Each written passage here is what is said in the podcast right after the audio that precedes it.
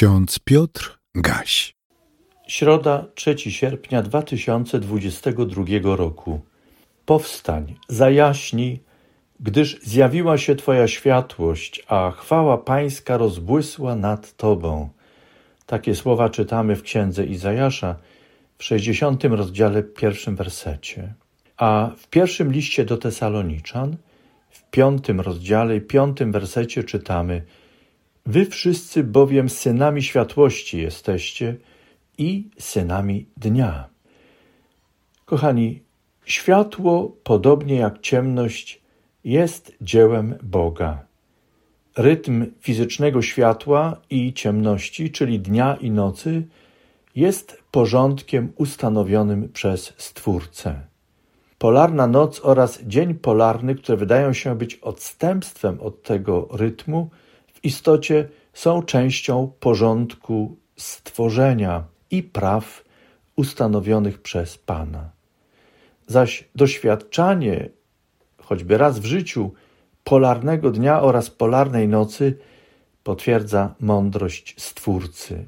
Takiej okoliczności bowiem człowiek jeszcze mocniej przekonuje się, jak bardzo jego biorytm jest powiązany z biorytmem całej przyrody, z dynamiką i rytmem świata, w tym także rytmem dnia i nocy. W czasie urlopu znowu mamy szansę pogłębić zrozumienie swojego biorytmu, okazję do poszerzenia poznania więzi z przyrodą, aby nasze wielbienie Boga za dobro stworzenia było jeszcze bardziej świadome. W Biblii pojęcia światłość oraz ciemność używano również w symbolicznym znaczeniu. Przy czym należy pamiętać, że zawsze łączono z tymi pojęciami konkret odnajdywany w czynach, w sposobie życia. Tak więc światłość utożsamia się z Bogiem, który jest. Wszystko, co On stwarza i kształtuje, nosi w sobie Jego życie. Jest pełne Jego mądrości zawiera w sobie Jego dobro i ma w sobie blask Bożej światłości. To, co stworzył Bóg, zawiera w sobie to, co Boże, ale w żadnym przypadku nie staje się nowym źródłem światłości. To znaczy, że tylko w łączności z Bogiem każde stworzenie może istnieć we właściwy sposób w całym porządku stworzenia. Czym jest w takim razie ciemność? W symbolicznym rozumieniu. W Biblii utożsamia się ją z tym, co przeciwstawia się Bogu, zapiera się Boga jako swojego Stwórcy, odrzuca Go jako źródło życia, źródło mądrości, zaś dobro i światło są w takim przypadku poszukiwane w życiu bez Boga. Biblijna ciemność to inaczej mówiąc odstępstwo od Boga, błądzenie na wiele sposobów, które polega na budowaniu iluzorycznej alternatywy dla Boga. W tym miejscu powtórzę jeszcze raz: światłość oraz ciemność w symbolicznym rozumieniu nie są abstrakcją, a przekaz o dwóch przeciwstawnych sobie światach światłości oraz ciemności. Nie jest teorią, jedną z wielu głoszonych w tym świecie, albo jednym z wielu poglądów dla objaśnienia istnienia dobra i zła.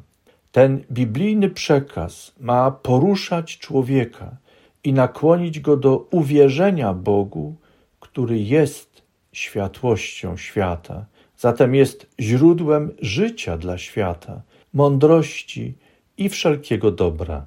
Bóg, który jest światłością, nie pozostawia świata w ciemności, lecz walczy o swoje stworzenie.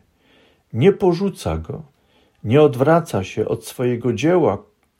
Bóg wkracza w największą ciemność tego świata, w środek ciemności, rozumianej jako styl życia, jako czyny, które zaprzeczają wszystkiemu, co jest Boże czym jest Boży życiodajny duch, Jego mądrość, dobro i światłość. Bóg nie odwraca się od świata, ale przychodzi do niego pomimo tego, że świat pogrążony jest w ciemności. Właśnie dlatego jest tak piękne, radosne i przekonujące proroctwo, które dziś czytamy. Powstań, zajaśnij, gdyż zjawiła się Twoja światłość, a chwała Pańska rozbłysła nad Tobą. To proroctwo jest prawdziwe, bo spełniło się poprzez wcielenie w człowieka Syna Bożego, Jezusa Chrystusa. Tak, w nim została objawiona światu światłość Boga. W blasku tej światłości świat poznaje swoje błądzenie, ciemność grzechu, mrok odstępstwa. Jednocześnie w Jezusie Chrystusie świat rozpoznaje darowane mu dobro i blask zbawienia. W ten sposób chwała Pańska jaśnieje dla pogrążonych w ciemności grzechu i wskazuje im drogę do zbawiającego Boga. W Jezusie Chrystusie Bóg pojednał ze sobą świat i zwyciężył ciemność zła. To jest radosna wieść, to jest Ewangelia głoszona światu, każdej i każdemu z nas. Każdy, kto wierzy Bogu, doznaje uwalniającej mocy Bożej światłości. Dzięki Bożemu działaniu doznaje przemiany. Ze względu na tę przemianę można o wierzących Bogu powiedzieć tak, jak czytamy dziś w liście do Tesaloniczan. Wy wszyscy bowiem synami światłości jesteście i synami dnia. Nie należymy do nocy ani do ciemności. To koniec cytatu z listu do Tesaloniczan. Kochani, przemiana, o której mówię, nie jest z nas. Zawdzięczamy ją wyłącznie Bożemu łaskawemu działaniu w naszym życiu. Wiemy o tym na podstawie nauczania Jezusa Chrystusa. W tym nauczaniu nasz Zbawiciel zapewnia nas, że chociaż nie będziemy go oglądali, Duch Boży, Duch Święty, życiodajny Duch Pana, pełen blasku światłości Boga, poprowadzi nas z ciemności do cudownej Bożej światłości. Przypominał o tym także reformator Marcin Luther za nauczaniem Pana Jezusa Chrystusa. Uczynił to w pieśni, którą znajdujemy w naszym śpiewniku pod numerem 222. Jest to modlitwa.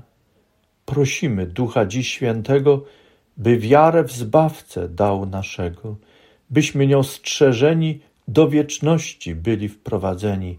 Kyrie eleison. Światłości, droga, racz nam świecić, poznanie Zbawcy wśród nas niecić, byśmy Go poznali, przy Nim wytrwali, przez Niego życie wiecznie dostali. Kyrie eleison. Módlmy się. Panie Boże, dziękujemy Ci za to, że objawiłeś nam się przez Syna swego, Pana Jezusa Chrystusa.